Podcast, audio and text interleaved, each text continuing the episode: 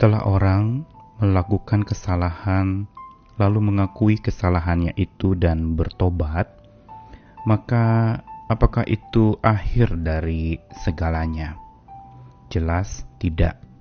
Ada babak baru yang akan dihadapi oleh orang yang sudah mengaku akan segala dosa dan kesalahannya di hadapan Tuhan dan sesama, yaitu seharusnya dia merasa bahwa ada titik rawan di dalam hidupnya yang mungkin saja ia bisa jatuh di dalam kesalahan yang sama sebagaimana Daud setelah dia jatuh di dalam dosa kedagingan yang menyebabkan dia berdosa dan menyakiti hati Tuhan, tidak berhenti sampai di situ.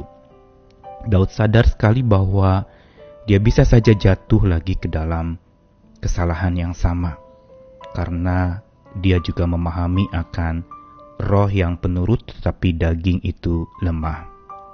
Karena pemikiran itulah maka Daud memohonkan kepada Tuhan untuk supaya ia dibekali dengan kekuatan dari Tuhan, supaya dia bisa menjalankan kehidupan selanjutnya setelah berdosa dengan lebih baik, dengan lebih rela untuk melakukan segala sesuatunya, karena bimbingan oleh Roh Allah yang memberikan kerelaan itu.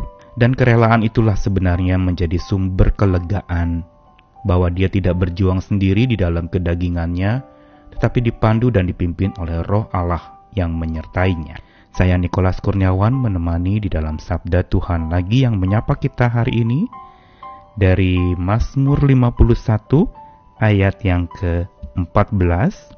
Bangkitkanlah kembali padaku kegirangan karena selamat yang daripadamu, dan lengkapilah aku dengan roh yang rela.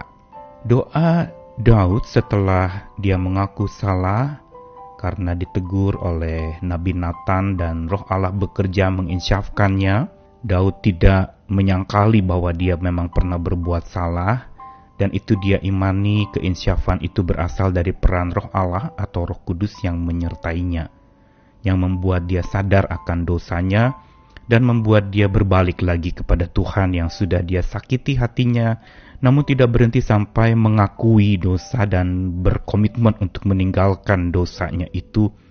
Tetapi Daud sadar dia tidak dapat pernah berjuang sendiri, karena bila dia berjuang sendiri, dia akan mengalami satu kondisi akan jatuh lagi.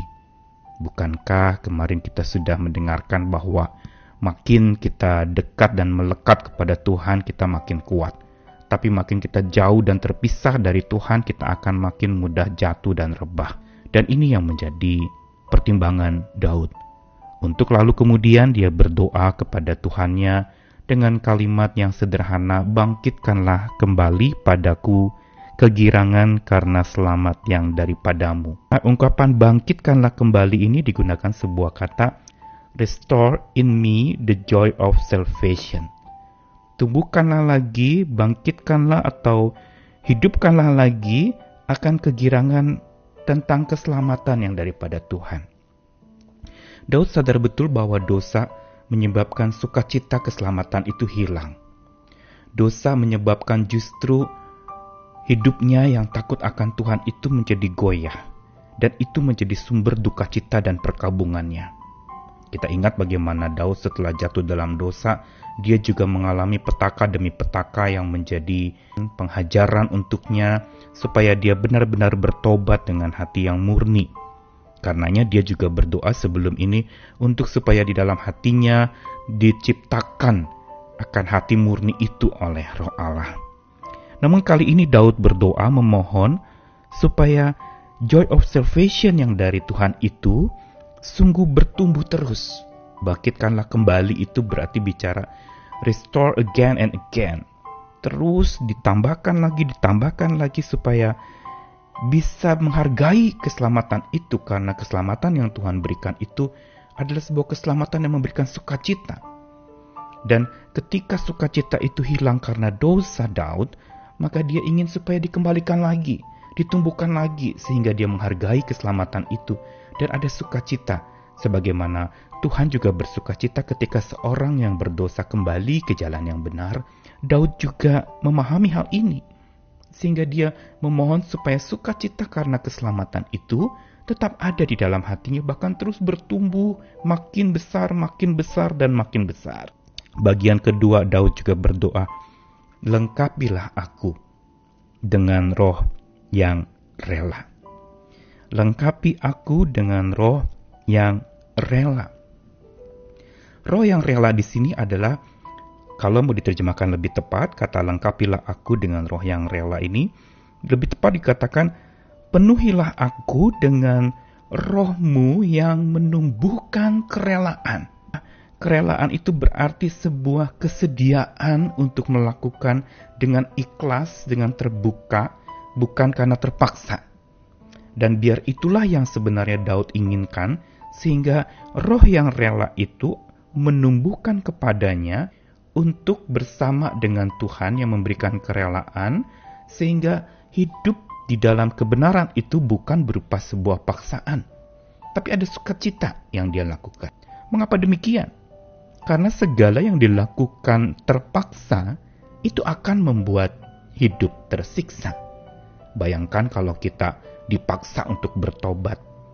Jelas itu pertobatannya tidak ikhlas atau kita dipaksa untuk melakukan sesuatu yang kita tidak ingin kita lakukan. Itu semua membuat kita tersiksa. Tetapi kalau kita lakukan dengan rela, dan kerelaan itu adalah kerelaan yang tulus, bukan kerelaan karena dipaksa, tapi kerelaan yang tertanam oleh roh Tuhan di dalam hati kita, maka roh itulah yang akan menumbuhkan sebuah kerelaan yang akhirnya akan melahirkan kelegaan sejati untuk berjuang tanpa henti. Kelegaan sejati di sini adalah benar-benar kelegaan karena kita tidak bekerja sendiri. Kita tidak berjuang sendiri dalam merangi keinginan daging kita. Tetapi kita dipandu oleh roh Allah yang menaruhkan kerelaan. Kita melakukan segala sesuatunya dengan rela. Dan karena rela, kita menjadi lega melakukannya. Karena itu Ketika kita pada masa-masa yang sulit ini, sering kali godaan untuk berdosa itu bisa tumbuh. Atau mungkin kita sudah melakukan dosa di hadapan Tuhan.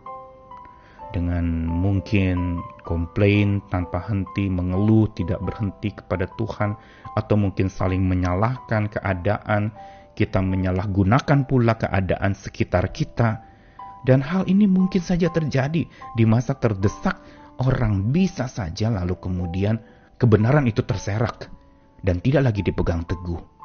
Dan segala cara untuk selesai dari masalah pun dilakukan, diambil begitu rupa. Yang penting saya bisa bebas dari masalah, mau dosa, mau tidak, itu bukan urusan saya.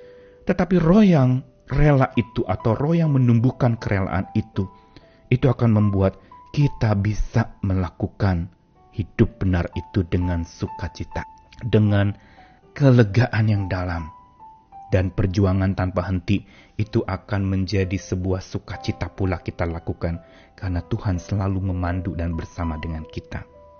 Hari ini marilah kita tetap lagi hidup di dalam roh Allah yang memberikan kerelaan itu, memberikan dorongan semangat untuk kita hidup dalam kebenaran lagi dan kelegaan sejati itu sudah menanti di depan mata untuk supaya kita berjuang tanpa henti berlaga dengan kelegaan dari Tuhan karena roh yang menumbuhkan kerelaan ini akan memberikan kepada kita kekuatan untuk terus bertahan.